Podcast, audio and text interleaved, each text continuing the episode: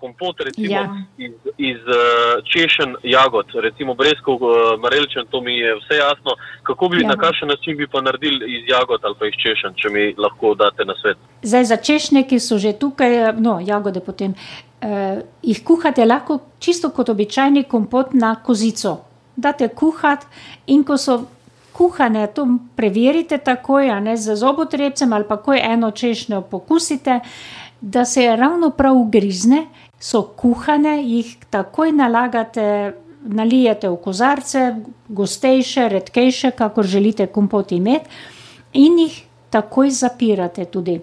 Ali pa naložite vse v kozarce, stresete pol druge kuhati, se bojo pogrevale, kuhale, medtem pa zaprete kozarce s tem, da jaz dam par kapljic alkohola žganja na pokrovček, zažgem, plamenček naredi, takoj pokrijem, privijem in je hermetično zaprto in izgori takoj tisti zrak še, kar je in so kompoti dobro zaprti. a ne. Ali pa postavljamo na pokrovček.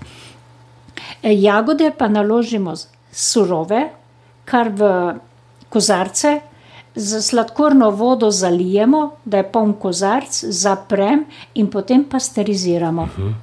Čist prav, če imate s termometrom oziroma posebej posodo pripravljeno ali pa navadni lonec ali pa kozico tako višjo, da gre, da se dobro pokrije, da je vsaj do polovice, dobre polovice pol voda sega v kozarcih, tako le od zunaj, in da začne vreti in tisti čas vrenja, pa lahko potem samo ugasnemo in pustimo kozar, eh, kozarce še v tej vodi, da se ohlaja.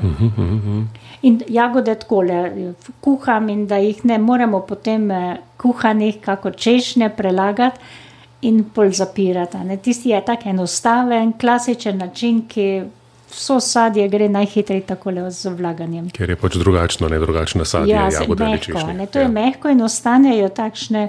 In to je tudi kar dobro, oziroma zelo dobro, zlasti ko ima domače sadje.